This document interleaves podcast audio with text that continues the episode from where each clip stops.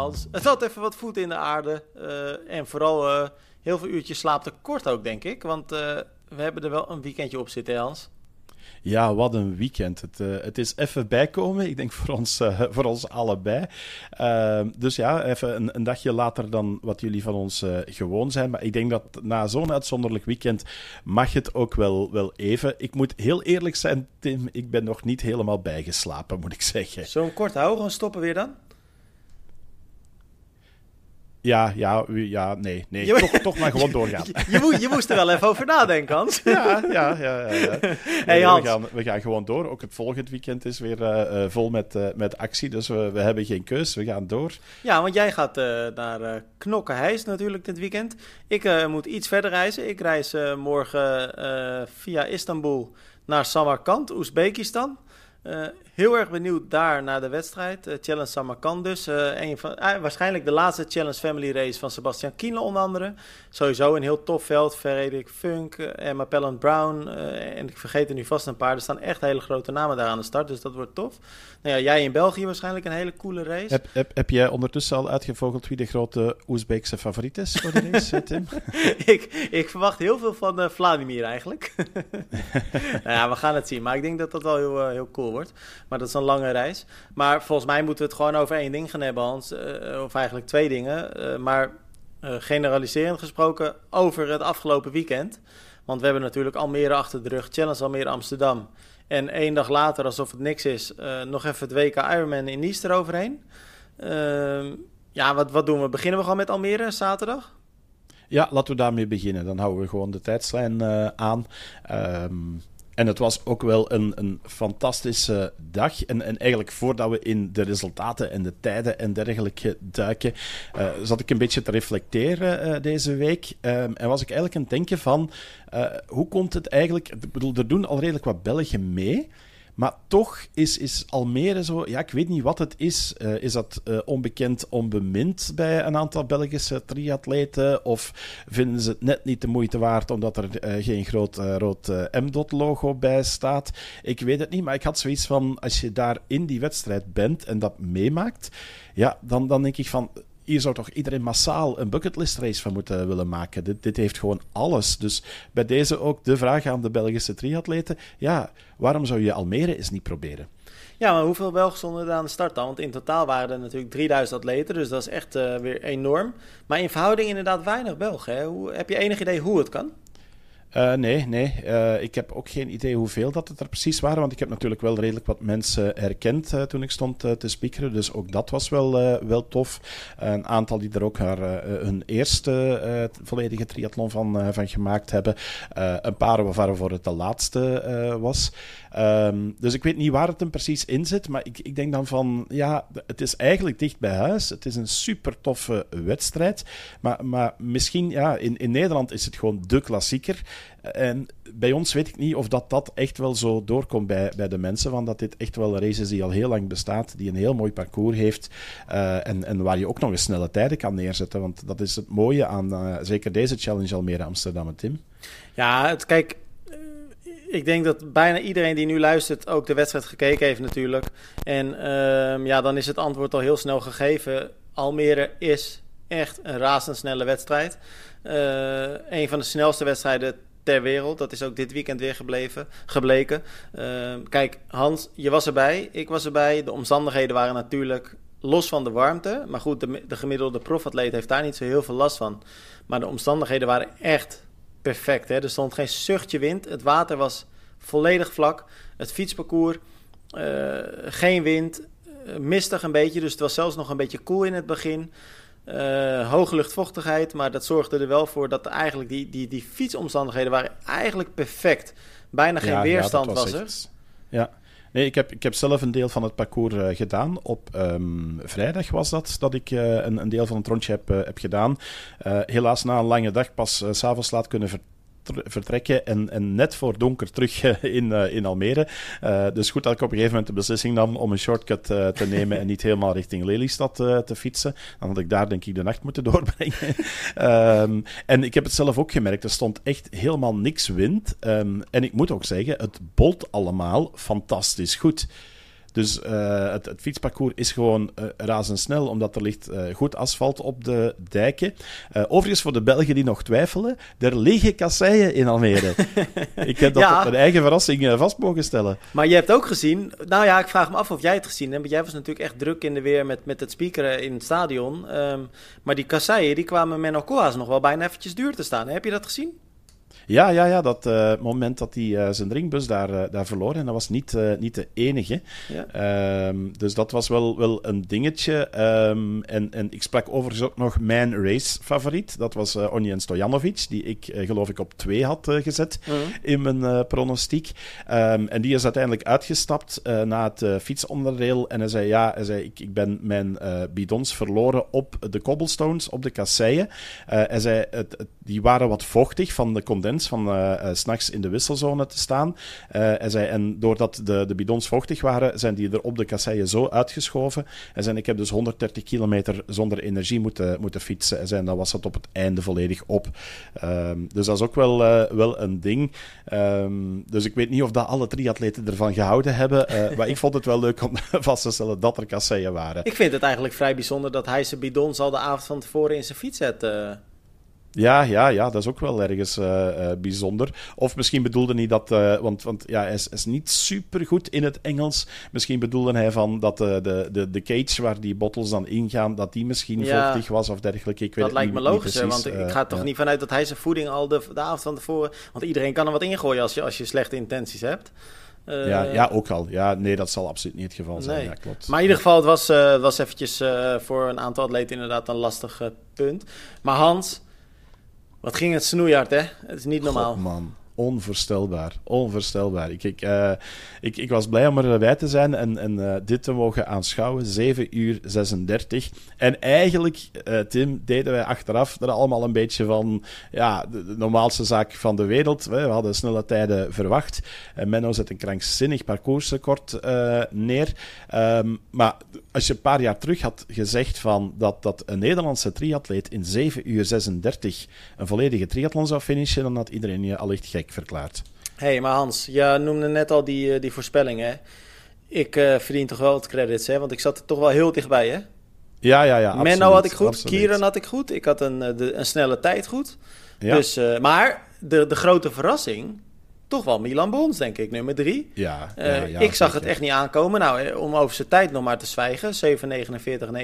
7,49,49. Echt razendsnel. wat, wat hing er voor magie in de lucht, joh, in Almere daar? Ja, het was, echt, het, was, het was echt super. Maar goed, ik denk dat dit de, de beste omstandigheden misschien wel ooit in de geschiedenis van Almere zijn, uh, zijn geweest. Uh, ja, en, en uh, als dan ook nog eens je raceplan volledig slaagt. Want ik, ik heb me met Milan achteraf ook nog even staan, staan babbelen. Um, en, en ja, hij was ook natuurlijk met twijfels begonnen. Hè. We hebben het nog over Mene gehad en dan over zijn, zijn COVID-besmetting. Wa waardoor hij overigens de afgelopen week voor Almere niet vol heeft kunnen trainen trainen drie dagen. Um, want ik sprak ook nog uh, zijn, uh, zijn trainer, uh, Paul Verkleij, en, die vertelde mij van ja, hij, heeft wel wat dagen achterstand. Hij zei maar, ja, ik, ik, denk wel dat hij het goed gaat doen. En dat was best wel een understatement. Nu, ik vraag mij wel af, Tim, hoe Milan Brons zich ondertussen voelt. Want je hebt dan alles wat kunnen laten bezinken. En je gaat daar naar een toptijd in eigen Almere. Maar ja, dan is er één Nederlander en die is dan nog een heel stuk sneller. Dus uh, ja, en uh, misschien heb... dat Milan ondertussen wel denkt van... Potverdekje, met een koolhaas, wat heb je me aangedaan? Ja, en ik heb een uh, uitgebreid interview met Milan de avond naast de finish. dus, dus dezelfde wedstrijddag nog, maar dan in de avond een paar uur naast de finish gemaakt. Die staat online ook.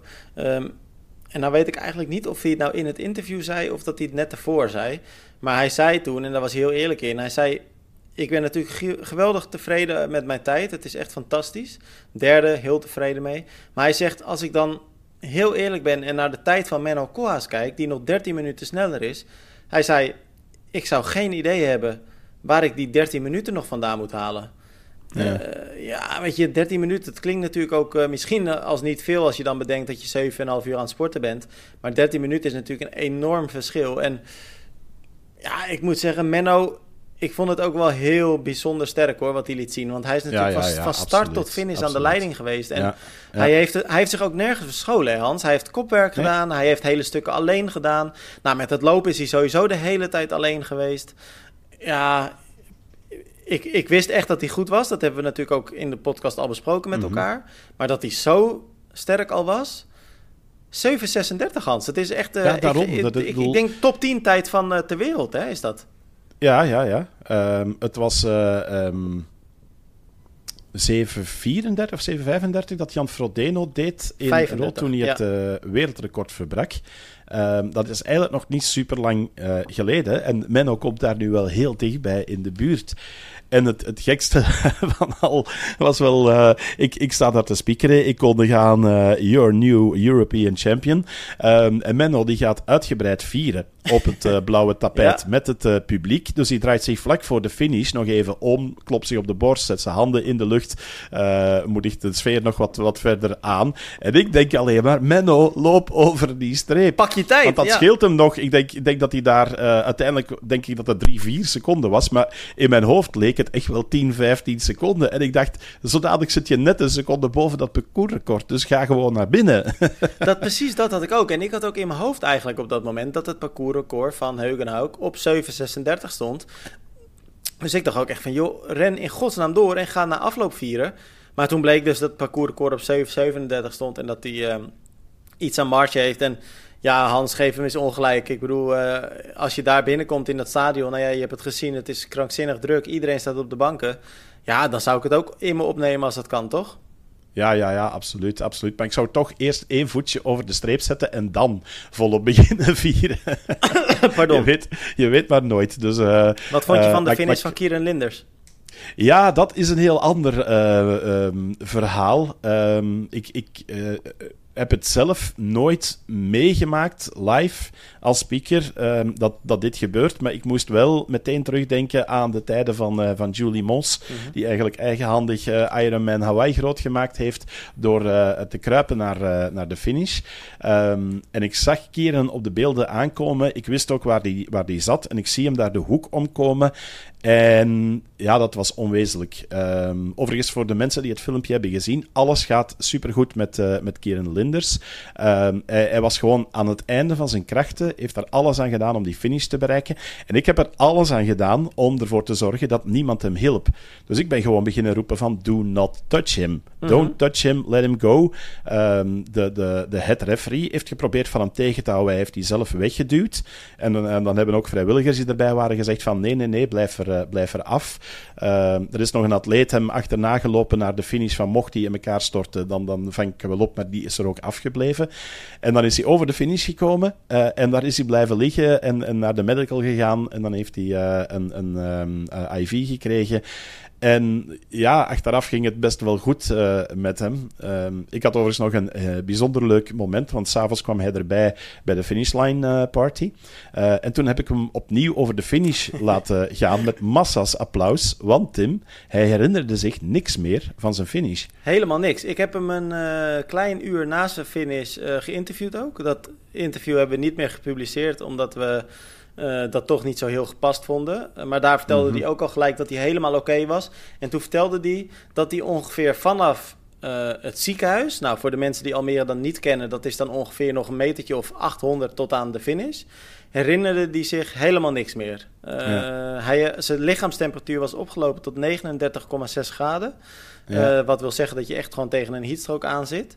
Eh, hij is echt wel eh, KO gegaan op de finish. Hij is gelijk in een ijsbad gelegd. Nou, kwam toen redelijk snel bij.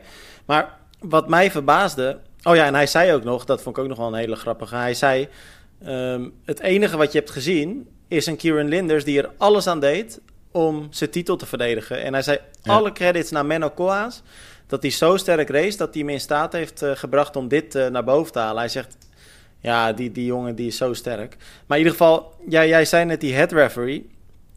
Ik moet heel eerlijk Die- zeggen, dat gedrag die van was haar, overigens dat verbaast me enorm. Ja, ja, ja, ik had net, het, eh, net hetzelfde. Ehm, ja, uh, want ik heb haar nadien ook niet meer uh, gezien. En, en uh, uiteindelijk is ze bij de finishline party er nog wel even geweest. maar nog altijd een beetje met een zuur gezicht. Ik, ik weet niet wat het was, maar um, ik, ik, neem aan dat zij wou ingrijpen uit ja, zorg en, en veiligheid voor de, voor de atleet. Maar langs de andere kant, als je zo lang bezig bent geweest en je bent echt in die laatste honderden meters, ja, dan heb ik ook zoiets van, gun hem dat nog. Ik, nou ja, en, en... Mijn, mijn, hart brak ook, hè. Mijn stem is gebroken. Ik had tranen in mijn ogen uh, toen ik hem aan was. Um, ik heb heel ook even getwijfeld van, ja, wat moet ik hiermee? En dan ben ik gewoon beginnen iedereen aanmanen van, van blijf van hem. Want als hij binnenkomt, dan heeft hij tenminste dat nog. En dan heeft hij het niet voor niks gedaan. Dus Um, dus uiteindelijk is dat wel, wel goed gekomen. Maar man, wat een moment. En maar wat, wat ik, wat ik eigenlijk het strafste vond, overigens, uh, uh, Tim, sorry, uh, is dat ik vroeg hem aan de microfoon later. Ik zeg: Heb je ondertussen al je ouders, je mama en je papa gehoord? En hij zei: Ja, sterker nog, mijn mama die is hier. Hij zei: Het was voor de allereerste keer dat ze live bij een full distance race van mij bij was. Ja. En zei, maar het was ook meteen de laatste keer, ze komt nooit meer kijken. ik heb die moeder ook gesproken uh, bij hetzelfde interview, die stond ernaast. En toen vroeg ik aan haar van, hoe gaat het eigenlijk met u? Want eh, ik kan me voorstellen dat als je dit als moeder ziet, dat dat best wel eventjes, nou ja, op zijn zachtst gezegd uh, schik is. Uh, maar ze was best wel redelijk nuchter en ze zei, nou, godzijdank stond ik uh, niet bij de finish op dat moment. Dus heb ik het eigenlijk niet eens live gezien. Ik zag het op de beelden. Uh, en toen is ze eigenlijk heel snel door, door de organisatie op de hoogte gesteld uh, van de situatie. Dat alles oké was, is ook meegenomen naar Kieran en kon ze, kon ze dat zien. Maar toch nog heel veel terug op die jury. Als ik heel eerlijk ben, heb ik er geen goed woord voor over. Want, nou ja, we hebben de beelden gezien. Zij, zij sleurt hem eigenlijk echt aan de kant. Nou, dat, dat klinkt een beetje te heftig, maar ze, ze, houdt hem inderdaad echt tegen. Ze trekt hem een beetje naar de kant. Hij duwt haar van zich af. Nou, dan hebben we vervolgens nog die atleet. Jij zegt die heeft hem niet aangeraakt. Maar ja, op de beelden zie je natuurlijk heel duidelijk dat hij wel degelijk nog een set aan Kieran Linders geeft bij de finish. Wat ik ook een hele dubieuze actie vind. Dat je als atleet een eigen race aan het doen bent. En dan ineens besluit: ik ga eens even met hem meelopen en hem over de finish duwen. Maar goed, dat komt ongetwijfeld vanuit een goed hart. Uh, maar gek is het wel als je het mij vraagt. Wat ik heel bijzonder vind, is dat de uh, World Triathlon direct na afloop nog best wel een lang uh, debat met elkaar gevoerd heeft over of ze Kieran Linders moesten disqualificeren. Omdat hij hulp gehad zou hebben. Maar dan denk ik bij mezelf, ieder weldenkend mens kan zien dat hij totaal niet om hulp vroeg. Sterker mhm. nog, hij duwde iedereen weg. En als je dan naar, naar, naar het gedrag van die eigen jury kijkt, dan kun je toch beter jezelf afvragen van waarom doe je dat? In plaats van dat je het hem kwalijk zou nemen dat hij hulp aanvaardt. Dat is, ik vind dat echt een omgekeerde wereld, ja, nee, inderdaad, inderdaad. Overigens, die regels die zijn ook veranderd hè, sinds mhm. dat uh, incident met uh, de Brownlees Klopt. in de World Triathlon Series, waar Johnny Brownlee helemaal in elkaar stortte, um, is de regel wel veranderd dat je dus een atleet uh, in, in nood in de wedstrijd kan, kan helpen, zolang als dat jouw eigen wedstrijd niet beïnvloedt. Dus um, je, je mag eigenlijk iemand, iemand helpen. langs de andere kant, ja, die regels rond outside assistance, die zijn ook niet altijd even duidelijk. Nee. dus ik kan me wel voorstellen dat daar even over gedebatteerd wordt. Maar eigenlijk moeten ze hier gewoon in de geest van de wedstrijd uh, um, uh, acteren. En, en gewoon zeggen van kijk, die jongen die verdient die, die tweede plaats. hij heeft ook niks gehad aan, aan de hulp. Heeft zich echt over die finishlijn gesleept. en ik vond die atleet die meeliep, ik, ik vond dat ook inderdaad vreemd. En ik heb ook wel even gedacht van ja, is dit nu om Kieran Linders mee over de streep te helpen? Of, of klaar te staan mocht die echt in elkaar zakken? of is het meer ook een beetje ter, meerdere eer en glorie van, van jezelf dat je ook even dat momentje hebt. Dus uh, ik, ik hinkte daar een beetje op die, uh, die twee gedachten. Uh, maar ik, ja, ik ben op dat moment nog echt aan brullen geweest van do not touch him. Mm -hmm. en, en, ehm, dus ja, het was wel een moment. Ik heb achteraf ook de filmpjes teruggezien. een paar keer zelfs. En, en ik, ik hoorde ook mijn stem breken op een gegeven moment. Dat, dat, dat krijg je dan. Je leeft ook zo mee. Je zit mee in die adrenaline en, en in die sfeer.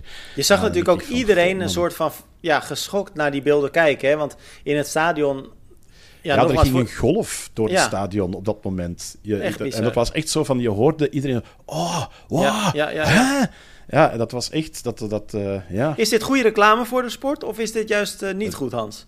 Ehm, ik denk het wel uiteindelijk. Echt waar? Bedoel, het, het zijn beelden waar iedereen naar kijkt. Dus ehm Maar denk je niet dat publicity als is mensen- also publicity. En mensen gaan dan misschien het, het heroïsche karakter van zo'n volledige triathlon eh, misschien terug weer net iets meer naar waarde schatten. Want ik, ik, ik zeg het, ik, ik vind eigenlijk dat er te weinig aandacht was van Menno Koolhaas doet 7 uur 36. Wij wel, maar ja, wij zijn insiders, wij zijn triathlon eh, media. Eh, maar ik vond voor de rest, ja, de, eh, de pers, ehm, die, die heeft dit weekend eigenlijk bijzonder weinig ermee gedaan. Eh, bij ons, zowel over Almere als over Nice, was er eigenlijk heel weinig te vinden. Dus ehm, dat, is wel, dat is wel een jammere. In België begrijp ik het nog een beetje, omdat Pamphile Parijn uitgevallen is. En dat was onze enige Belg in de wedstrijd in het EK. Eh, maar langs de andere kant ja, zit je wel met een toptijd die het vermelden waard is. Ehm, dus dus dat, dat vond ik dan wel een beetje jammer. En dan denk je dat die beelden van Keren dat die dan wel weer helpen om, om het eh, bij het grotere publiek eh, wat meer bekend te maken. Ja, maar ik ben alleen een beetje bang dat als de mensen die niet zoveel met de sport hebben en die zien deze beelden, dat ze dan denken van. Wat is dit voor gekke, gestoorde, onverantwoordelijke sport? Ja, maar je Ja, lacht erom. Maar, ook? ja, maar, ja, nee, dat is het ook. Maar Ja. ik bedoel, dit, ik denk niet dat dit bijdraagt aan eh, het gevoel van mensen om eventueel een keer zelf een triathlon te gaan doen. En als ik dan kijk naar de, de wat grotere landelijke media, zeg maar, die niet specifiek op triathlon gericht zijn. Ik heb het eh, natuurlijk de week voor Almere zelf ook weer meegemaakt. Hoeveel verzoeken tot interviews ik dan krijg. Of ja, we als wedstrijd, zeg maar. En eh, dat eigenlijk 9 van die 10 interviews niet gaat over het EK of over de kanshebbers. Maar over of het wel verantwoord is om in deze warmte een Ja. triathlon te doen. Ja. En ja, dan denk ik, deze beelden gaan niet helpen Nee, aan, nee, dat is ook aan het beeld. ja. Maar ja, het was eh, gelukkig allemaal goed gegaan. En dan Ja. eh, Milan Brons een paar minuten later dus eh, derde. Die kwam nog echt heel dichtbij. Ja, Ehm, ja, het was echt wel een mooi feestje. Dat was echt, eh, want dat, dat was ook nog best wel spannend voor die, eh, die derde plaats. Want daar is ook nog stevig voor, eh, voor gestreden. Ehm, en het verschil tussen Kieran en Milan was ook niet super groot meer. Want ik dacht ook op, op het moment dat dat Kieran aan het instorten was, dacht ik van wat als Milan Brons nu hier voorbij komt? Want dan krijg je twee gedachten in het stadion. Want Milan is natuurlijk van Almere. Dus toen die binnenkwam, werd iedereen ook helemaal gek. Ehm, dus ik, ik, ik zat echt op, met, met zo twee ogen ook een beetje te kijken van eh één oog gericht op Kieran Linders en een andere oog van in, in de laatste bocht eh, of Milan er niet aankwam. Ehm, dus ja, dat, dat, dat vond ik een fantastische prestatie. Eh, ik wou overigens nog wat toevoegen bij eh Menno Koolhaas. Ik vond een fantastische uitspraak. Ehm, dat hij zei van, ja, ik kan eh, blijkbaar echt fietsen. Ja. hij heeft natuurlijk vooraf eh, eh, gezegd: hè, van ik, ik vrees een beetje dat fietsen. Ik zal als voorst uit het water komen met, met- samen met Lucas Voigt. Nou, dat bleek ook zo te zijn. Eh, lopen is ook gewoon goed. Hij hoopte dan een eh 240, 245 te lopen. Nou, dan ging hij, eh, dat, dat lukt ook meer dan eh, prima. Maar Ja, die- dat, die- heb je dat gezien toen hij doorkwam na één ronde, Tim? het lopen? Ja? Nee, want ik, ben, ik heb één, lo- één loopronde met hem op de motor meegereden. En toen ben ik net voor het stadion afgehaakt, zeg maar. Oké, want, want eh, hij zat constant naar links te kijken, naar het scherm. Ik denk om tijden eh, in, de gaten te houden en, en eh, hoe het er allemaal uitzag. Dus elke keer als hij bij ons voorbij kwam, dan zat hij echt links naar het grote scherm te Ah. kijken en naar de klok.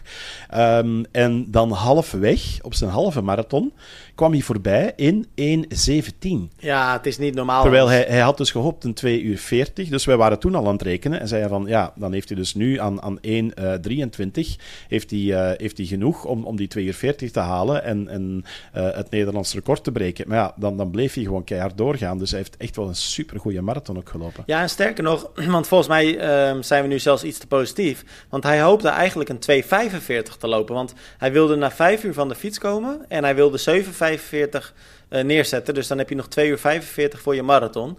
Ja. Eh, dus moet je nagaan. En hij heeft die tweede halve marathon, of ja, tweede halve marathon heeft hij zo weinig verval gekend. Eh, ja, tuurlijk, je zag op de beelden dat hij die laatste ronde, de tweede helft van die laatste ronde, echt wel eh, eh, moeite kreeg. Dat het tempo er een klein beetje uitging. Maar ja, vind je het gek, Hans, na 37 kilometer? Eh, Ja. En met alles wat je ervoor ook al hebt gedaan. Ja, Mhm. ik, ik, ik kan echt niet anders zeggen. Ja, dit is gewoon echt een atleet van wereldklasse. En Ja, ik, ja, ik denk dat we daar nog heel veel van gaan horen. En, ehm, maar weet je, Hans, ook de vrouwenrace.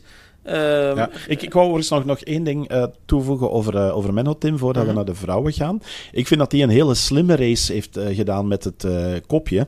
En wat ik ook sterk vond van hem, was dat hij, nadat hij zijn bevoorrading kwijtspeelde, dat hij gestopt is om aan de bevoorrading uh, posten opnieuw uh, een bidon aan te nemen. En dat vond ik een hele verstandige beslissing. Hij is blijkbaar heel erg een vloeken geweest tegenover jou. Heel, want jij nou, zat er op de motor naast, hè? Niet, niet tegenover mij natuurlijk, maar echt tegen zichzelf. En hij liet die bidons uh, vallen. Ik reed er op dat moment 100 meter achter.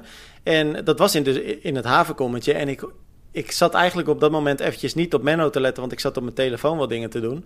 En ik hoor op een gegeven moment, uh, nou ja, mag ik het hier herhalen? Je wel toch? Gewoon keihard, kut, kut. Echt, echt, nou, ik wil niet overdrijven. Ik denk wel zes, zeven keer achter elkaar. En echt keihard. Ik denk dat de mensen die in Almere Haven aan het slapen waren, want het was nog vroeg, die waren ongetwijfeld wakker geworden. en ik denk, wat is hier gebeurd, joh? En, uh, en toen zag ik Menno met zijn fiets achterstevoren staan. Dus toen dacht ik, shit, hij is toch niet gevallen? Want het was ook op het moment dat Jesper Svensson precies bij hem aansloot. Ehm, dus ik dacht, zijn ze dan tegen elkaar aangereden?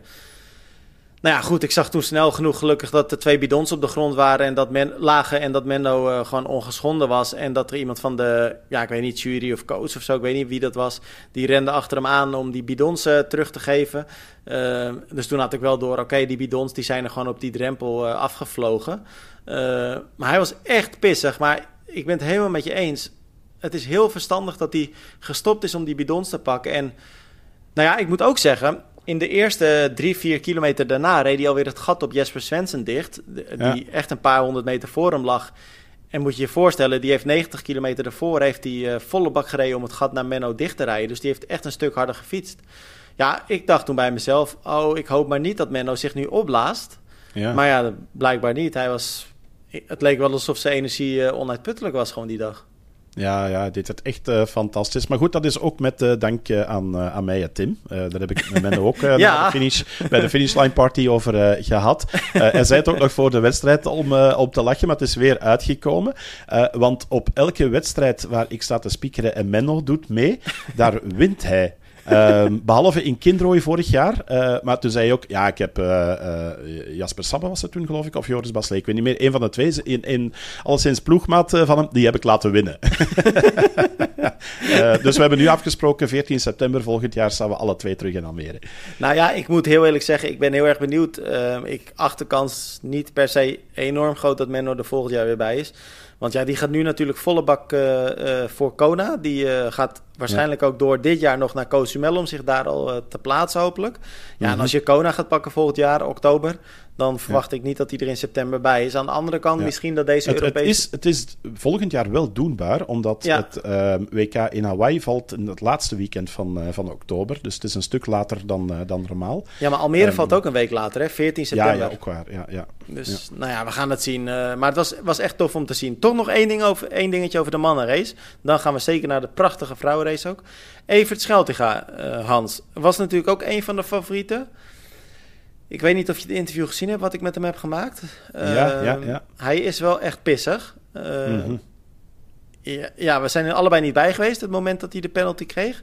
Want hij is, voor de mensen die het misschien wel gemist hebben, vijf minuten aan de kant gezet vanwege steren. Maar kijk, ik heb een paar keer met die groep meegereden. Evert zat in het groepje met Milan. Uh, volgens mij ook jouw, uh, jouw favoriet Stojanovic. O Onion uh, Onion Stojanovic. Tom Bishop zat erbij. En er zaten er nog twee bij. Lucas Voigt op een gegeven moment, denk ik. Ja, en ik heb er gewoon best wel een aantal keer bij gezeten bij die groep, Hans. En kijk, daarbij moet ik gelijk zeggen, de keren dat ik erbij zit, dat zegt natuurlijk niks over wat er in de andere kilometers gebeurd is. Want ze zitten natuurlijk wel gewoon iets meer dan vier uur op de fiets. Maar de keren dat ik bij die groep zat, heb ik Evert eigenlijk constant of op kop gezien. Uh, veel uh, keren van de, de tijd dat ik erbij was. Of hij uh, zat gewoon netjes op die 12 meter. Nou ja, goed. En je, ja, je zei het net al, je hebt het interview gezien. Hij was ja, echt wel pissig. zegt dat hij een penalty zeer onterecht heeft gekregen. En daarmee zegt hij ook, en dat zegt hij zelfs letterlijk... Ja, dat de jury gewoon zijn wedstrijd verpest heeft. Ik ja. moet zeggen, Hans, ja, kijk, wij moeten altijd uitkijken. Je hebt geen idee wat daar gebeurd is en of het nou correct is of niet. Ik had wel echt met hem te doen, want je zag echt, hij was echt emotioneel, hè? Ja, ja, maar ja. Dat is de wedstrijd van het jaar en dan gebeurt dit. En, en ehm, ja, ik, ik, ik, sprak na afloop van de wedstrijd nog met, uh, met Milan Brons, die effectief in diezelfde groep zat. En ook Milan zei tegen mij van, het was compleet onterecht. Hij begon er zelf over tegen mij. Uh, en hij zei ook, hij zei, als er één niet bekend staat binnen het profpeloton om een cheater te zijn of lastig te doen of dergelijke, uh, dan is het Evert Scheltinga wel. Hij zei, dat is niet iemand die, die aan drafting of dergelijke doet en, en is gewoon een hele eerlijke triatleet. En dat hij dan net die straf kreeg, ja, ook Milan had zoiets van compleet niet terecht. Ja, en het was dus inderdaad, uh, ja, hij zou dan iets te dicht uh, op een middle-distance atleet gezeten hebben. Dat zei Evert ook. Ik heb er echt wel eventjes een meter, twee meter uh, ja, te dicht op gezeten. Maar hij zegt, ja, de rest, ik heb de hele tijd aan kop lopen sleuren. En ja, ja. ja dat je dan zonder waarschuwing in één keer een penalty krijgt bij de wedstrijd die zo belangrijk voor me is. Ik, ik was zo ontzettend sterk. Het, het lastige is, Hans, het wordt voor hem ook echt een beetje een haat-liefde race hè, op die manier. Want hij is of heel goed, nou neem 2021, uh, vierde van de wereld, Nederlands record, Nederlands kampioen natuurlijk dus ook. Uh, of hij heeft, nou hij heeft wel een aantal keren echt een topklassering in Almere, maar hij heeft ook heel vaak pech. Hè? Dan heeft hij een keer, ik geloof, drie lekke banden. Vorig jaar heeft hij een keer een ja. lekke band gehad. Nou ja, nu dan die penalty. Het lijkt me best wel lastig om daarmee om te gaan, eerlijk gezegd. Ja, ja, en het was sowieso moeilijk hè, met die uh, agegroepers op het uh, parcours. En ik heb veel atleten gezien die, die zich inhielden. Ik denk dat Evert dat op een gegeven moment ook wel gedaan heeft. Dus het zijn altijd momentenopnamen. En Tim, uh, met, met die penalty, ik ben net even naar zijn tijd gaan kijken. En hij zit net maar iets van een vijf minuten boven de tijd van Pim van Diemen. Ja, ja, ja. Pim dus hij heeft eigenlijk door die straf de bronzen medaille op het NK gemist. Ja, nou dat is inderdaad ook nog waar. Al moet ik wel zeggen, Hans, ik heb niet het idee uh, dat Evert ja, heel erg rouwig zal zijn om het mislopen van een bronzen medaille, toch? Ja, nee, dat lijkt me misschien ook wel. Um, het, het, is ook wel de titel waar wij absoluut niet mee bezig geweest zijn. Hè. Je had de, de Challenge Almere Amsterdam, het Europees kampioenschap, het wedstrijdrecord. Um, ik denk dat ik nauwelijks vernoemd heb, zelfs dat Menocola zijn nieuwe Nederlandse kampioen is. Nee, hij is your ja. new European champion. Uh, maar dat neemt niet weg dat, dat Pim van Diemen het wel uh, fantastisch gedaan heeft. Hè. Ja, absoluut. Het is echt een topwedstrijd van hem. Ik, ik moet ook wel zeggen, Hans, kijk, het is ook wel een beetje wat Menno vooraf aangaf. Hè? Uh, met het een komt het ander. En dat zeggen ze eigenlijk allemaal. Hè? Dus kijk, ze focussen natuurlijk allemaal op die overal winst. Uh, uh, ook een beetje op een snelle tijd. Ja, als je de overal winst pakt, of een hele snelle tijd neerzet, dan heb je al heel snel ook die Nederlandse titel natuurlijk. En, en ja, ja. ja dus, dus dat is heel erg logisch. Um, je had eigenlijk nog wel een soort wedstrijd binnen een wedstrijd. En daarna gaan we echt wel eventjes uh, natuurlijk naar die vrouwen, want daar hebben we ook echt genoten. Uh, dan pak ik even Andy, uh, Andrew uh. Het blijft altijd een lastige naam. Starkey, gewoon Starkey. Ik, ik, noem hem ook gewoon Starkey. Iedereen doet ja. Starkey. want hij heeft, heeft, nog naast mij gestaan bij de finishline party en de hele tijd is meekomen vieren. super ja. toffe kerel ook, Starkey. Um, maar ik denk dat jij inderdaad wou refereren naar zijn supersnelle fietstijd, hè? Het is toch niet normaal, Hans? Kijk, we weten allemaal, Starkey is uh, wat ze dan wel eens uh, noemen. En de ene atleet vindt dat een prettige term, de andere soms wat minder. Ik denk dat Starkey uh, het er niet moeilijk mee heeft. Een Uberbiker, hè, die moet het echt hebben van zijn van ja. knijterharde fietsonderdeel. En nou, ik, ik, weet eigenlijk de tijd nu niet eens precies. Ik geloof 402 en nog wat. Ehm, ja, weet je, het is, het is eigenlijk niet normaal, hè, die tempo's toch, Hans? Nee, inderdaad. En dat op zijn leeftijd overigens, hè, want Starkey is veertiger. Um, dus, dus bijzonder knap dat hij dat er nu nog eens uh, effectief uh, uitknalt. Dus ik, ik vond dat indrukwekkend uh, om, om te zien hoe hij dan de snelste fietstijd op het parcours heeft, heeft neergezet. Um, alleen, dat klopt niet helemaal, Tim. ja, jij gaat nu natuurlijk weer de Belgen ophemelen, of niet? Uh. Ja, ja, ja, ja, absoluut. absoluut. Uh, want uh, ja, ik weet niet of je het bij ons gelezen hebt, maar alleszins heel veel reacties. iedereen trok grote ogen in België van de jonge Alex Segaert. Natuurlijk ex-triatleet, um, vice-wereldkampioen bij de belofte in het tijdrijden. En die deed dus mee in een trio. En die is voor op een gegeven moment gewoon de kop van de wedstrijd voorbij geknald. en heeft op 95 kilometer fietsen een gemiddelde van 49,5 kilometer uh, ja. bij elkaar gefietst. Um, dus dat is de snelste ronde ooit geweest in Almere, Tim, dacht ik. Um, en dan nog opvallender, uh, zijn papa Frank Segaert, die zijn twintigste en naar eigen zeggen laatste volledige triathlon uh, deed in Almere. Dat was ook de reden waarom dat Alec er was. Die zei, ja, het was een duurtraining richting het EK in Drenthe volgende week. en hij heeft maar 10 minuten op race pace gereden. Dus hij ja, moest eerst opwarmen, dan stevig tempo aanhouden, dan 10 minuten vol. vervolgens ook nog wel een mooie tempo en dan een beetje uitrijden richting de wisselzone. En dan alsnog zet hij dan zo'n scherpe tijd neer. Dat is echt zot. Eh, het is echt niet normaal, Hans. Maar ik, ik, zal je heel eerlijk vertellen. Ik, ik zat op een gegeven moment eh, na een kilometertje of... Ja, wat zal je daar hebben? Ik denk 145. Uh, toen zat ik bij de... Nee, volgens mij zat ik toen bij het groepje met Starkovic. En uh, Starky dus. En... Uh, ja, weet je, je bent natuurlijk altijd een beetje gefocust op, op, op wat er voor je gebeurt. Hè? Want je zit met de motor natuurlijk toch op gepaste afstand achter zo'n groepje. Je wil geen, geen voordeel geven aan die fietsers. Uh, maar je kijkt dus nou, niet tot weinig achterom. En op een gegeven moment, ik zat een beetje op mijn telefoon en ik word op een gegeven moment ingehaald. Ik denk, wat is dit joh? Nou ja, nu werk ik naar een soort van climax toe die natuurlijk geen climax is. Want uh, kijk, we weten nu allemaal dat ik het over, uh, over deze, deze jonge, zeer talentvolle Belg heb. Maar Hans, hij haalde ze in alsof ze stil stonden. Echt krankzinnig gewoon. Ja, ja het, het, is een enorm talent. En, en um, uh, ik, ik hoop, uh, hij heeft het overigens uh, achteraf ook nog een keer gezegd, dat hij na zijn wielercarrière wil hij absoluut een volledige triathlon gaan doen. En volgens mij, ja, dan zullen ze ook moeten uitkijken naar de fietstijd van Alex Segaert. En niet alleen dat, hè, want hij is nou. vroeger een goede jeugdtriatleet geweest, komt uit een familie van, van triatleten. Um, dus het was tof dat hij er was. En ik wil bij deze ook nog even kudo's geven aan papa Frank, die zijn twintigste en, en laatste volledige triathlon deed. jammer eigenlijk. Ik hoop dat hij ooit nog wel eens meedoet. maar bij deze Frank ook uh, merci voor alle mooie jaren. We kennen elkaar ondertussen ook al uh, heel lang. Ik ken Alek al vanaf dat hij jeugd C-atleet was, uh, als 12-jarig jongetje. Um, dus fantastisch om, om te zien, ook die hele entourage en dergelijke. mooi dat zij erbij waren in Almere. Ja, tof. Nou Hans, volgens mij is het dan echt tijd om, om naar de vrouwen te gaan. Ook daar een recordbrekende wedstrijd. Geen parcoursrecord, dat niet. Els Visser kwam ja, dat klinkt dan zo oneerbiedig, want ze heeft natuurlijk echt, echt de wedstrijd van de leven neergezet. Maar ze kwam net even tekort voor dat parcoursrecord nog, dat op naam staat van Sarissa de Vries uit mijn hoofd 8.32. Maar Kijk, het zwemmen, dat geloven we wel. Uh, het fietsen, daar werd het al echt uh, uh, de, ja. de, basis voor een succesrace ge gelegd. En René Kylie, nou, het is niet normaal. Het is de op één na snelste tijd ooit ter wereld neergezet bij een long distance. Alleen Daniela Rief was sneller dit jaar nog in uh, rood. Waar natuurlijk, de herde was ook echt een recordrace toen. Ja, um, nu, nu, maar ik, ik, ik, hoorde wel al van het team van de Challenge uh, alweer Amsterdam dat ze zei: Ja, maar is rood niet een klein stukje korter dan bij ons? ja, zo werkt, het, zo werkt het dan toch. Hè? Maar ja, weet je, Hans, daarentegen heb je in rood natuurlijk beklimmingen die het er niet makkelijker op maken. Uh, ja, je kunt het uiteindelijk niet met elkaar vergelijken. Maar Eén ding is wel zeker, dat als je, als je in Almere gewoon de één na snelste tijd ooit neerzet op het fietsen. Het leuke is, uh, uh, ik wilde zeggen dat het dus natuurlijk echt een super mooi affiche voor je wedstrijd is. Het toffe daarvan is dat René Kylie, um, ze is al in de 40. Ze is pas ja, begonnen ja. toen ze 31 was. Heeft zwaar overgewicht gehad, rookte heel erg. Um, en ze plaatste een foto op Instagram. En ik vond het wel leuk wat ze daarbij schreef. Ze schreef erbij: Ik heb nog nooit in een windtunnel gezeten. Ik heb nog nooit uh, een bikefitting gedaan. Ik ben veel te laat met de triathlonsport begonnen. Uh, en toch een parcoursrecord in Almere. Nu alleen nog eventjes mijn lopen verbeteren.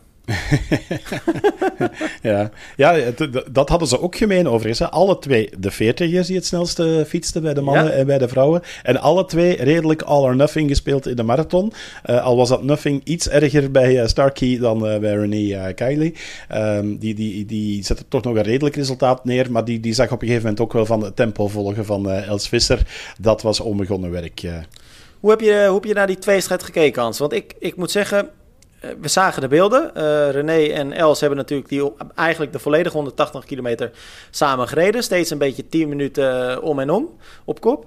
Um, na afloop vroeg ik haar. Kijk, we weten natuurlijk allemaal uh, dat er trainingsmaatjes zijn. Ik heb geen idee of ze dat nu nog zijn, maar ze zijn het in ieder geval heel lang geweest. Kennen elkaar goed, noemen elkaar ook vriendinnen.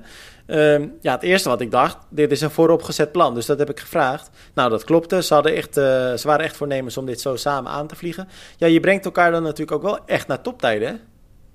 Ja, ja, absoluut. En, en sterker nog, het had sneller gekund, Tim. Ja. Want uh, je hebt de beelden, denk ik, ongetwijfeld ook gezien. Ik weet niet of je ook bij de vrouwen er af en toe hebt naast uh, gereden. Maar ik zag een aantal momenten in de wedstrijd waarin dat Els en René aan het inhouden waren. de benen stilhielden en bijna, of zelfs letterlijk, de remmen moesten dichtknijpen omdat er agegroepers van de halve afstand voor hun reden. En dat ze echt met elkaar aan het praten waren van gaan we die groep in één keer voorbij gaan of, of niet. Ehm, dus in principe had dat nog wel sneller gekunnen. Ehm, ik blijf het overigens wel vreemd vinden dat bij mannelijke agegroepers er toch nog altijd die reactie is van hé, hey, er komt een vrouw voorbij, dus ik ga toch nog even versnellen. Dan denk ik, doe dat niet. Gun ook die dame ja. haar wedstrijd. Wat vind, wat vind je daar? Los daarvan dat je het een beetje apart vindt, Hans. Maar ik moet heel eerlijk zeggen, ik zat net eventjes een stuk van de livestream uh, terug te kijken. Uh, lekker lang uit op de bank, eventjes van de triathlon genieten. Um, en toen zag ik dus inderdaad wat beelden.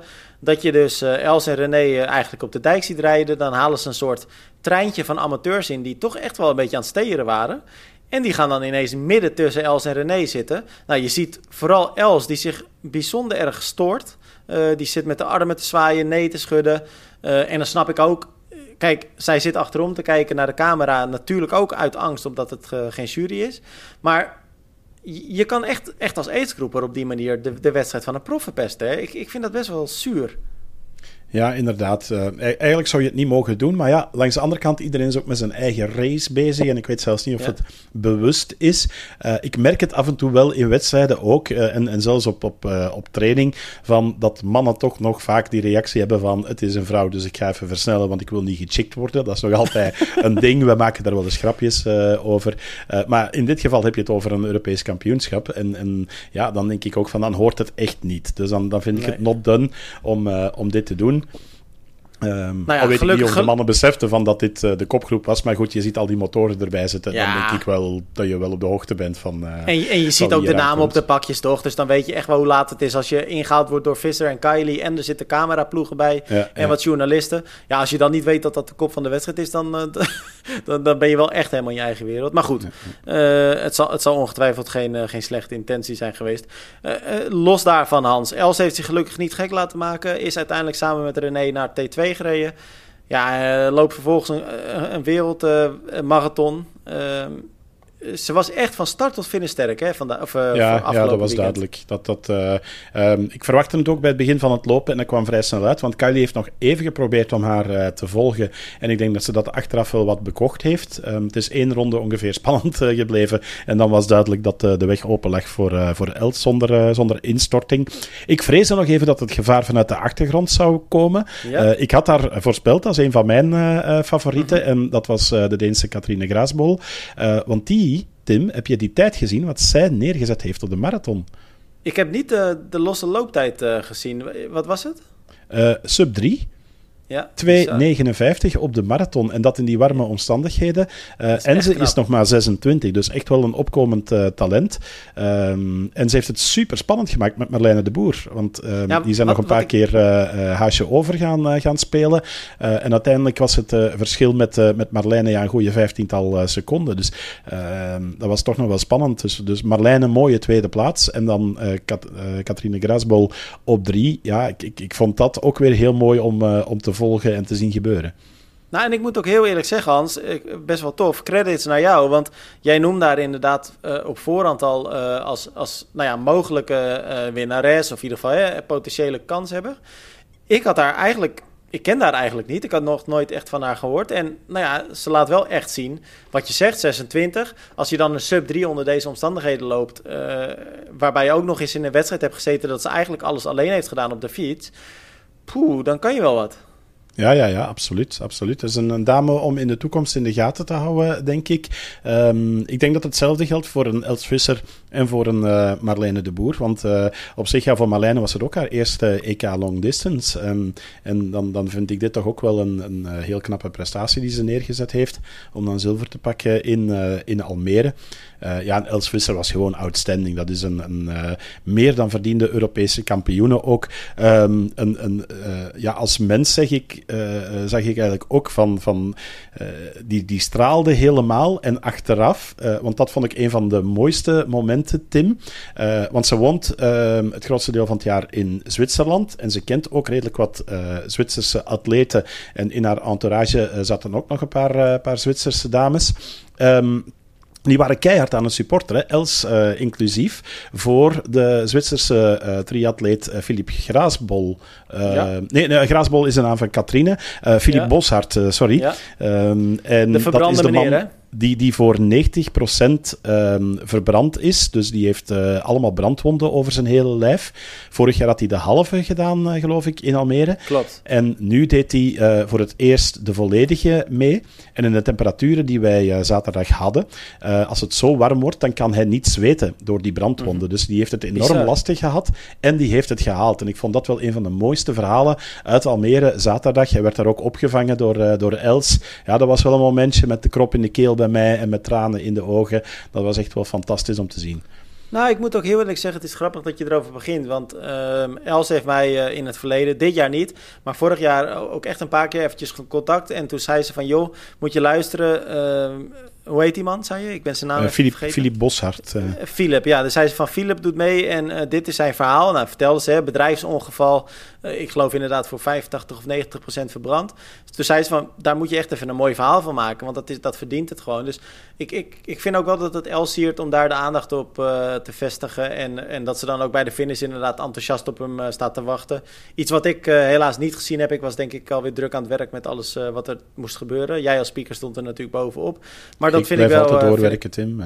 Ja, ja, nee, nee, ik bedoelde inderdaad niet dat nee, jij niet grapje, was. ja, ja, nee. Jij had ook de handen vol uh, het, het Precies, ik, ik had een andere werkplek, dat, bedoel, dat bedoelde ik. En, uh, maar ik. Dus ik vind dat tof om te zien. Maar ja, alles bij elkaar, Hans. Mannen, vrouw, mannenwedstrijd, vrouwenwedstrijd. Uh, het ene na het andere record. Dus ja, de, mooi, mooi, mooie dagje zo, hè, Almere? Ja, ja, absoluut. En dan die finishline party, jongen. Echt waar, dat is... Uh, ja, dat, dat, is, dat is helemaal fantastisch. Ik, ik heb er met, met uh, volle teugen van genoten. Voor mij is dat natuurlijk ook, uh, als speaker is het dankbaar dat je dan zo'n groot publiek hebt uh, dat je mee kan, kan bespelen. we vormden een super tof, tof team. Tije die er nog bij gekomen is. Julian, die de livestream deed en, en Challenge Road ook speaker is, die is er nog bijgekomen. Ja, we hebben er één groot feestje van gemaakt. Verschillende pro-atletes die, die er nog zijn, zijn bijgekomen. Mooi moment. We hebben met het hele publiek hem zitten aanmoedigen. Want eerst stond uh, Milan Brons samen met uh, Menno te dansen uh, op het verhoog.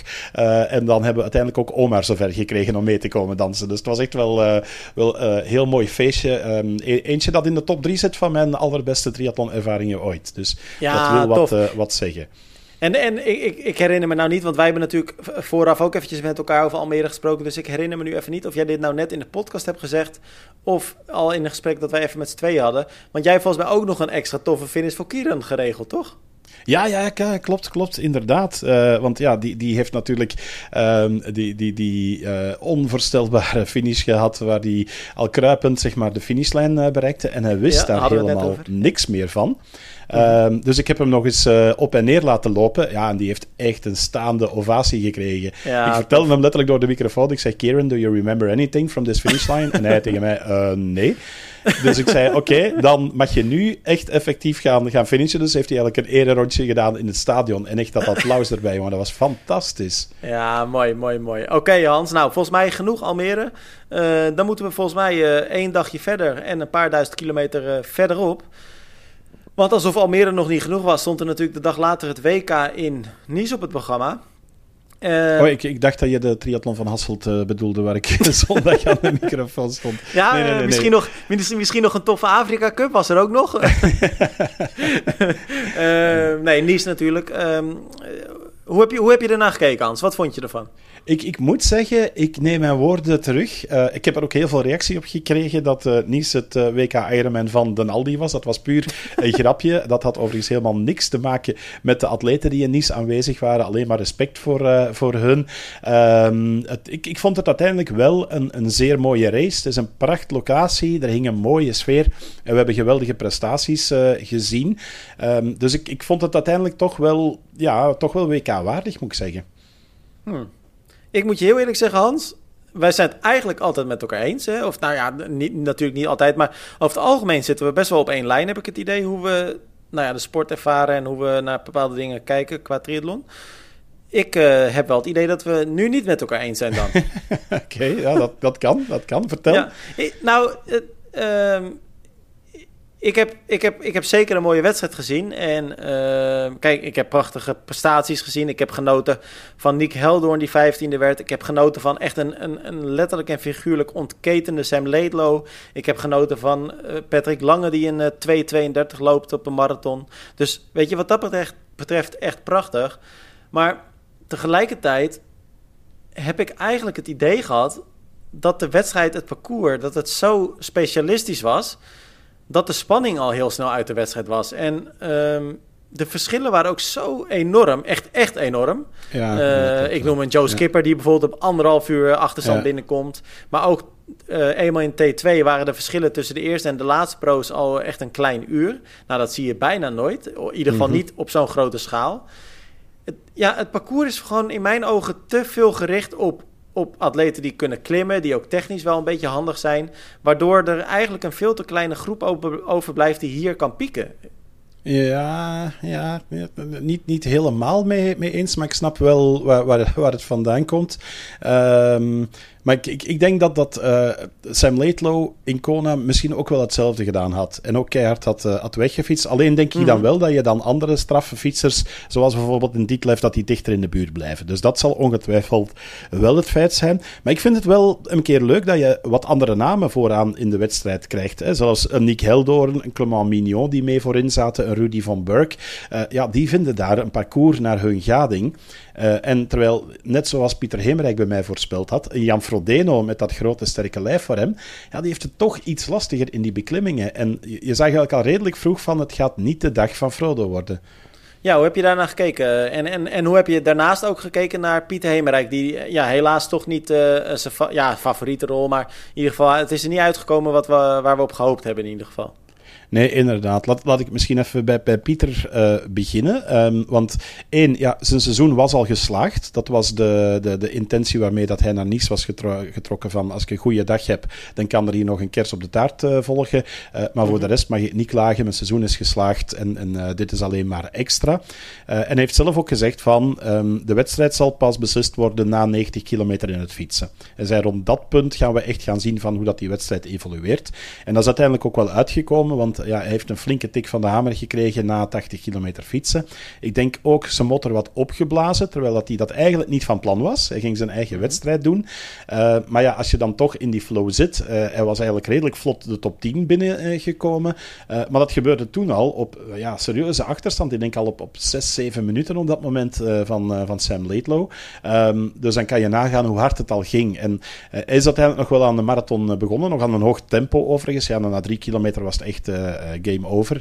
Um, maar ik verwijt hem niks. Hij uh, heeft het geprobeerd. Um, heeft mij even doen dromen. Um, ik ben zelfs nog even aan het appen geweest met Michael Schouwaerts, de voorzitter van Triathlon Vlaanderen, die in Nice was. Die stond naast Luc van Lierde. En die stuurde mij ook en zei van... Goh, wat denk jij, Hans? Zou dit wel eens de dag van Pieter kunnen worden? Ja, en ik had toen ook wel zo... Ik denk, ja, als je hier blijft zitten en hij perst er nog een goede marathon uit, dan is er veel mogelijk.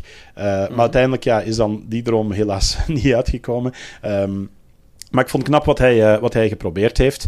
Uh, ja, en dan, dan Jan Frodeno. Um, je moet respect hebben, denk ik, dat hij die wedstrijd uitdoet. Je merkte al vrij snel dat het er niet zou inzitten. Um, er werd nog wat uh, gesuggereerd uh, op social media dat hij een bidon met uh, energie zou kwijtgespeeld zijn. Anderen spraken dan weer tegen van het was gewoon een bidon met water. Um, ik, ik, ik, weet niet hoe dat hij er precies in zat, maar ik vond het wel fantastisch om te zien dat hij op de marathon iedereen aan het aanmoedigen was, Tim. Ja, maar het is wel een matig atleet, hè? Als je 24ste wordt, hè? valt tegen, toch? nee, ja, ik, ik ben een zwart schaap in uh, Nice dan, uh, dan de goat. Uh, ja, maar aan de, aan de ene kant, ja, ik, ik, ik, weet niet. Want ja, ik vond het ook mooi om te zien dat hij al die atleten aan het aanmoedigen was. Aan de andere kant was dit ook niet het afscheid wat ik hem dan gunde. Nee, en, nee, nee dat uh, had ik ook wel. En ik denk dat hij dat ja, net zelf ook zo had. Uh, ja. Precies, want nou lijkt het allemaal alsof het zo leuk en zo feestelijk was. Maar waarschijnlijk heeft hij van binnen natuurlijk ontzettend gebaald. En ehm, ik heb uitvoerig met Niek gesproken. Nou, het was natuurlijk geweldig om te zien dat Niek in de kop van de wedstrijd uit het water kwam. Tijdens het fietsen zelfs nog heel eventjes de leiding overnam. En vervolgens best wel een tijd met Jan Frodeno opgereden heeft. Ook een onderrondje had. En Niek zei tegen me, ja, ik had eigenlijk al vrij snel door uh, dat, dat, dat Jan Frodeno gewoon niet zijn dag had. En uh, Jan Frodeno moest op een gegeven moment ook los uit het groepje met Niek. En toen zei Niek ook, ja kijk, op een normale dag kan hij natuurlijk echt wel daarbij blijven. Dus ik had wel door dat, dat het hem niet ging worden voor hem. ja, dat vind ik dan toch wel jammer. En ja, weet je, we hadden natuurlijk in onze voorbeschouwing allebei al gezegd... dat we niet per se verwacht hadden dat Jan Frodeno zou winnen... Of, of echt een topklassering zou pakken. Maar 24 dat ik nou ook weer niet verwacht. Nee, nee, dat klopt. Dat klopt. Uh, ik, ik gunde hem ook meer. Uh, en het was mooier geweest als hij bijvoorbeeld met een podium had kunnen afscheid nemen of, uh, of dergelijke. neemt niet weg dat, dat die laatste meters van Jan, het was wel mooi om, om te zien. Ja, hij heeft daar zeker. een, een meer dan verdiend staande ovatie van iedereen gekregen. Dus dat, dat is wel... Dat, dat is dan weer het mooie bij ons aan, aan de sport, vind ik. Maar ik moet ook zeggen, ik heb met grote ogen gekeken naar die jonge Nick Heldoorn. Die we natuurlijk bij ons ook kennen. Vroeger atleet geweest bij Mark Hermans het Athletes for Hope team. Uh, veel in België ook, uh, ook gereisd als uh, jonge gast. Ja, wat hij nu doet, dat is echt onvoorstelbaar, Tim. En zeker op zijn leeftijd, hè? Ja, 24. En ehm, ja, ik heb er ook geen woorden voor. Ik moet, en, en, en weet je, Hans, hij heeft natuurlijk ook nog best wel een beetje pech gehad tijdens de wedstrijd. Hè? Want ehm, ja, het is best een bizar verhaal. Hij ehm, uh, miste op een gegeven moment na ongeveer 80, 90 kilometer op de fiets. Nou, precies het punt dat jij ook zei, hè, dat Pieter het echt zwaar ging krijgen. Uh, miste hij een special needs post. Uh, miste daar dus cruciale voeding. Nou, toen had hij, had hij nog een halve bidon bij zich en een lege bidon. Waarbij zijn lege bidon achterop zat en zijn halfvolle bidon voorop. Die heeft hij toen omgedraaid, want dan dacht hij... als ik dan bij een normale, de eerstvolgende normale drinkpost kom... dan gooi ik mijn lege bidon weg. En dan heb ik nog een, vo dan heb ik een volle en een halfvolle. Op, op zich maar wat heeft hij toen in zijn... Wat zeg je? Ik zeg op zich wel een slimme, slimme idee om, om het zo aan te pakken. Ja, precies. Alleen toen heeft hij dus, hoe zullig het ook is... in zijn automatisme heeft hij dus toch de bidon achter op zijn fiets gepakt en weggegooid. En dat was dus een halfvolle bidon. Dus toen had hij alleen nog een lege. En daar schokt hij eigenlijk weer van, waardoor hij ook nog eens bij de eerstvolgende post een volle bidon miste. Dus hij had toen vervolgens... Ja, dat is echt zuur. hij heeft 30 minuten, 30 minuten zonder uh, drinken gezeten. En ja, hij zei... Op het moment van het fietsen merk je dat nog niet zo. Ja, ik voelde, ik voelde dat ik uitgedroogd was. Maar je kunt nog wel lekker doorgaan of zo. Um, maar hij zei... Ja, op een gegeven moment tijdens die marathon... Dat, dat gaat zich natuurlijk een keer wreken. En ja, dat werd echt een uitputtingsslag voor, uh, voor me. Dat zei hij letterlijk. En... Maar ja, weet je Hans, hij had zich als doel gesteld top 15. Hij wilde heel graag zien of hij zich met de echte wereldtop kon meten. En hij vond blijkbaar top 15 daar de, de perfecte graadmeter voor. Ja, hij is gewoon 15e geworden. Dus, en ja, ik, ik, ik kan niet anders dan mijn petje voor hem afnemen. Het is echt wel een hele goede prestatie. Ja, vind ik ook. Vind ik ook. Daar mag je best uh, trots op zijn. En ja, heeft dan een beetje leergeld betaald, maar dat kan je dan perfect weer meenemen naar een, uh, een volgende editie. Dus uh, hopelijk kan hij dat uh, opnieuw herhalen in Konen, dat hij opnieuw gekwalificeerd geraakt. En dan ben ik eens benieuwd wat hij op dat parcours kan, kan neerzetten. Dus ja, knap gedaan van, van Niek. Um, ik was zelf ook wel onder de indruk van Patrick Lange, die, die 232 liep. Dat um, las ik achteraf. De snelste marathon ooit in een WK-Ironman uh, gelopen. Um, waar het natuurlijk wel moet bijgezegd worden dat het een ander loopparcours is dan, uh, dan in Hawaii. Je hebt geen Palani, je hebt geen um, Energy Lab. Ja, ik moet er al beginnen ja. over nadenken. Het is alweer zo lang geleden dat ik er geweest ben. Um, dus, dus dat is toch nog wel een, een, een verschil, maar toch wel indrukwekkend zijn, zijn marathontijd. maar ik zat er wel voor de rest helemaal naast, hoewel helemaal uiteindelijk valt het nog mee. Hè? Arthur Horso nog in de top 10. Clement Mignot in, in de top 10. Dat waren de mannen die ik, uh, die ik voorspeld had. Uh, maar die uiteindelijk toch... Uh, ja, Horso die kwam nog na Joe Skipper uit het water op, op denk, wat was het, 6,5 ja. minuut of zo. Um, dat, dat, was, dat was toen al eigenlijk duidelijk bij mij van... Mm, dit gaat er volgens mij niet meer worden voor het podium. Clement Mignot wel veel voorin gezien. En ik had eigenlijk vergeten, toen we bezig waren met onze pronostiek, om te denken aan um, ex-Belg, zeg maar, Rudy van Berg. Uh, want die, die is nu officieel Amerikaan, maar het is gewoon de zoon van uh, de Belgische agegroep topper en vroegere pro Rodolf uh, van Burg. Uh, en ja, die woont ook een groot deel van het jaar in, in Nice, dus het is wel een beetje ook zijn parcours. Um, dus die had ik eigenlijk op voorhand had ik eraan moeten denken van ja, ook die hoog in te schatten, want die heeft uiteindelijk ook nog wel een hele goede wedstrijd neergezet. Ja, ja, ja, absoluut. Dat is trouwens een atleet die ik nou niet per se heel erg voorin had verwacht. Uh, dus dat verbaasde mij enigszins. Ik denk wel dat we de conclusie kunnen trekken, Hans. Ik ben toch wel een soort orakel, hè? Want Almere ja, had ik vrij goed, uh, Nice had ik vrij goed. Uh, heb jij tips nodig nog dat ik een voorspelling doe voor Knokheist? Of? ja, dat is misschien nog wel, dat is misschien nog wel een goeie. Dat, dat nou is, ja, maar wij, wij, wij hadden dan het, het, uitkijken in Nice uiteindelijk met het uitvallen van uh, Pieter Hemerijk naar, uh, naar de agegroepers. Uh, en daar wil ik ook nog wel even een vermelding maken van...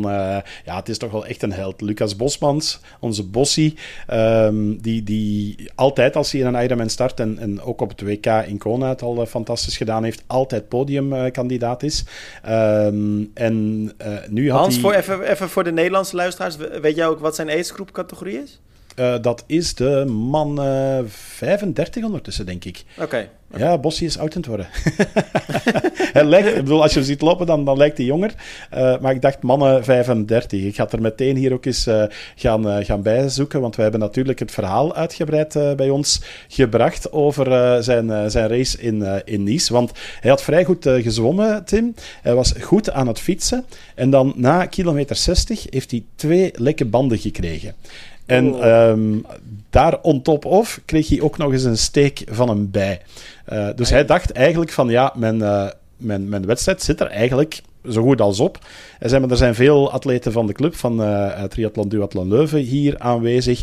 Dus ik uh, um, ga gewoon mijn wedstrijd uitdoen en ondertussen wat supporteren voor uh, de atleten van de club die ik, die ik hier tegenkom. Um, en dan kreeg je op een gegeven moment te horen dat hij um, de vijfde plaats in zicht had in de mannen 35 categorie. Dat heb ik nu ondertussen gecheckt, dus het is effectief mannen 35. En toen is hij terug in beginnen geloven, want bij 2K Ironman mag de top 5 altijd naar het podium en krijg je zo'n schaal en dergelijke. Ja. En dus hij had dan daar zijn zinnen op gezet van dan haal ik toch nog het podium. En dat is hem uiteindelijk ook nog uh, gelukt met een uh, goede marathon. Um, dus kudos voor, uh, voor Lucas, die onze beste Belg is geworden. 21ste overal bij de agegroepers. Vijfde in zijn, zijn categorie. maar ja, een tijd van 9 uur 32. Normaal gezien gaat Lucas daar in Nice serieus een stuk, stuk onder. Um, Tim Balus zat er in diezelfde categorie nog vlak achter. En wij hadden dan een vice-wereldkampioen, Tim, met Mark Knaaps bij de mannen 65. Ja. En dat was ook wel een bijzonder verhaal. Want um, hij is uh, eigenlijk um, ja, ziek geworden. Hij kreeg een zware bronchitis voor Finland. Heeft dus meegedaan aan 2K 70.3 Ironman Latti. Uh, en daar twijfelde hij aan starten. Is hij toch van start gegaan en is hij tweede geworden. En dan is hij naar Nice uh, gevlogen en dan is hij opnieuw tweede geworden. En eigenlijk was het veel te dicht bij het 2K 70.3. Um, en dat bleek ook niet de enige atleet te zijn overigens die de twee heeft gedaan. Die zei van ja, daar zat te weinig tijd tussen die twee wedstrijden. hij is er toch nog een beetje doorgekomen in, uh, in Nice. Maar hij zei ook, hij zei, ja, het was net een mijl uh, te kort. Want hij woont in Amerika, dus hij rekent altijd in mijlen in plaats van ah, in ja. kilometers. Maar hij zei één mijl langer en ik had de titel gepakt. Dus, maar uiteindelijk okay. was hij wel content. Dus ook kudos voor Mark, die het, die het fantastisch gedaan heeft. Ik moet zeggen, qua Nederlandse agegroepers valt het me eerlijk gezegd een klein beetje tegen. We hadden nu uh, vier uh, mannen die uh, binnen de top 10 van hun agegroep zaten. We hebben geen wereldkampioenen, we hebben ook geen medailles. Nou, dat was op, in Latti natuurlijk ook hetzelfde. Hadden we ook niet echt heel veel mensen in de top van hun agegroep. En dat is wel eens anders geweest voor Nederlanders. Dus nou ja, ja hopen dat we ja, dat volgend ja, jaar recht gaan zetten. Ik, ik weet hoe dat komt, Tim. Hoe dan? Dat jij er geen speaker alle, was. Nee, alle, alle goeie die zaten in Almere.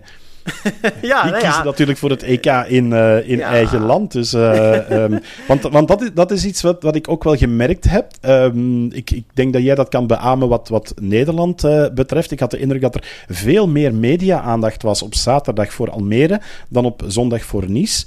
Ook bij ons was dat het geval. Ik vond dat, dat de, de verslaggeving over 2K Ironman en Nice was zeer beknopt tegenover vroeger Hawaii. Uh, ja, nee, 100% eens. En ik moet heel eerlijk zeggen, ik denk ook dat het op zich terecht was. Want uh, ja, ja, terecht, dat is ook ja, dat is heel lastig te zeggen. Kijk, het WK Nice uh, verdient natuurlijk ook heel veel aandacht. Maar Almere was natuurlijk, nou ja, je hebt het zelf gezien. Het was echt een toffe wedstrijd. Veel atleten, veel goede atleten. Nou, record na record. Uh, dus Almere vestigt zich wat dat betreft ook wel gewoon echt tussen die internationale topwedstrijden. En mensen onderschatten dat soms nog wel eens.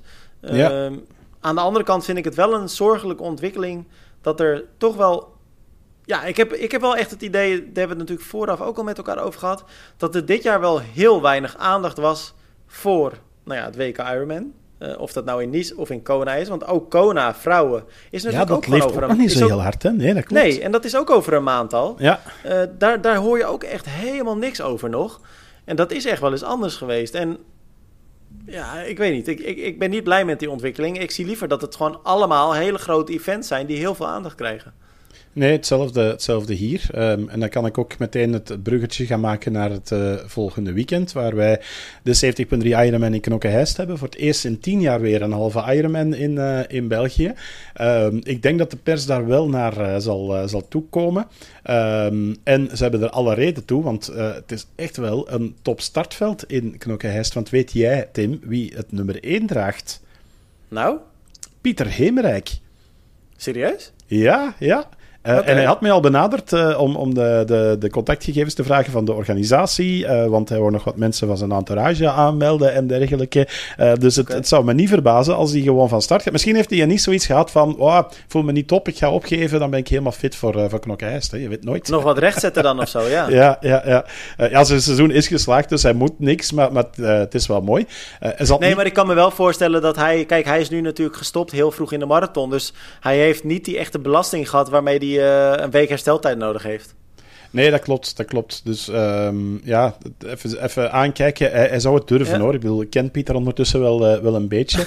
Eh, maar ja, het, het zal niet gemakkelijk worden, want eh, on- onder andere Anthony Kos staat aan eh, de start, Ivan Jarrigue, Dylan Magnin, Pablo da Peña, ehm, die ook van, van start gaat. Een heel sterk legertje België eh, natuurlijk. Veel Duitsers, dat valt mij op.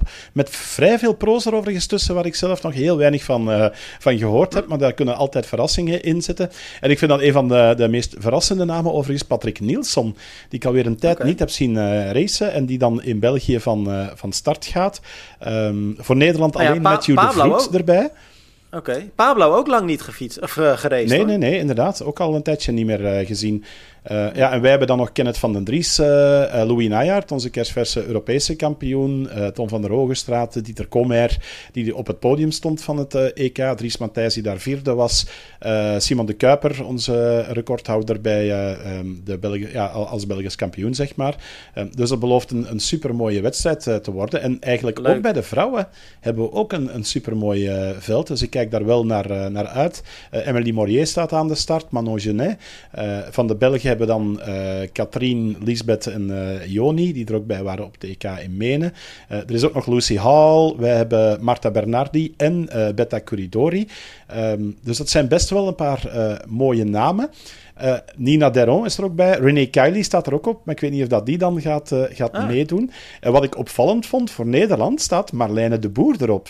Die heb ik een berichtje dus gestuurd, de- maar ze heeft nog niet gereageerd. Of dat wel Nee. zo'n goed idee is, een paar dagen na Almere. Ja, maar dat geldt voor Kylie dus ook eigenlijk, ja. Ja, ja. Dus uh, Nou ja, ja, van, van Kiley ja. zou ik kunnen snappen dat je zegt van, uh, als je Australische bent, dat je denkt van, ik doe even een Benelux-tour uh, om wat wedstrijden mee te pakken in, in Europa. Ik denk dat zij ook op een niveau zit dat ze niet super gesponsord is en het ook wat van het prijzengeld zal, zal moeten hebben. Um, Marlijne, dat, dat betwijfel ik of dat die na een, een zilveren plak in, in Almere een week later in Knokke-Heist effectief van start gaat. Maar goed, we gaan het, we gaan het zien. zien. Um, Ja. En dan, dan is jullie topfavoriet natuurlijk Diede Diedericks. Hè? En uh, ja, dat is een beetje hetzelfde verhaal als met de Menno Koolhaas. Als ik sta te spiekeren en het is in België te doen, dan wint Diede. Uh, dat heeft ze al een paar keer gedaan ondertussen. Um, dus ja, ik, ik denk dat het echt wel een mooie, mooie wedstrijd gaat worden in uh, Knokke-Heist. Wil jij eh, volgend jaar ook gaan speakeren als ik ergens een hele ga doen? Ja, dat is een goeie. Dat is een goeie. Dan, dan win jij ook, uh, ook gewoon. Ja, dan win ik la- langs de andere kant ga ik ook gewoon super hard mijn best doen om jou achterbij te houden in Vieux Dus, uh, Alright Hans, nou, het was een mooi weekendje zo hè, alles bij elkaar. Absoluut, absoluut. Het was, het was super druk. Ik ben er nog een beetje moe van. Moet uh, ooit nog eens zien of ik nog wat bijgeslapen uh, krijg. Maar dat zal denk ik, uh, vrees ik, voor na knokken hijst zijn. Dat is overigens wel een ding hoor. Um, ik heb dat altijd, als ik moet speakeren bij, bij een volledige triathlon, ja, dan moet je altijd s ochtends vroeg op. Um, nu in Almere ben ik om half vijf opgestaan. Ben om kwart na zes begonnen met speakeren. En om, om kwart voor twaalf heb ik um, de, de uitknop zeg maar, ingedrukt van de microfoon. Dus dat was een lange dag, maar ik heb die nacht ook nauwelijks een oog dicht gedaan. Ik heb dat altijd voor een volledige. Dan, je zit in die adrenaline, je hebt schrik om je te overslapen of zoiets, denk ik. Dus elk uur word je wakker. Um, dus ik heb nog wel wat in te halen. Ik zet ook altijd gewoon twee wekkers. Doe jij dat ook op zo'n dag? Ja, ja, ja, absoluut. absoluut. Dat, dat, en ja. het is me nog nooit overkomen dat ik mij overslapen heb. Maar het is gewoon, die, die, die angst zit erin. Um, ja. En, en nu ook helemaal, omdat uh, ja, je, je staat er dan als, als uh, um, even tussen haakjes internationale speaker. Um, ja, dan wil je daar wel staan, want als je er niet bent, dan denk je van, oeh, wat nu? Dus, um... Het zou ook zo lullig zijn, hè? Hans ja, is er niet. Ja, ja. Hij ligt in bed nog. ja, ja. Stel je voor. Nou, Hans, dat, ik, dat ik zou zeggen... wel meemaken. Ik wil overigens nee. nog, nog één ding dat, dat zeggen voordat we afsluiten. Want als ik er dan niet ben, ondertussen weten we, we kunnen gewoon Richard Belder ook inschakelen. Ja? Kan hij het goed? ja, die heeft de prijsuitreiking gedaan op uh, zondag, want ik moest naar de triathlon van, van Asselt toe. En ik heb er wat dat beelden van gezien. En Richard, met een naturel, jongen, dat, dat, dat zit hem wel in het bloed. goed, goed, goed. Alright, Hans, ik zou zeggen, duik vanavond vroeg je bed in, want het wordt dus weer een uh, druk weekend. Uh, ik duik er ook vroeg in, morgen vroeg in het vliegtuig.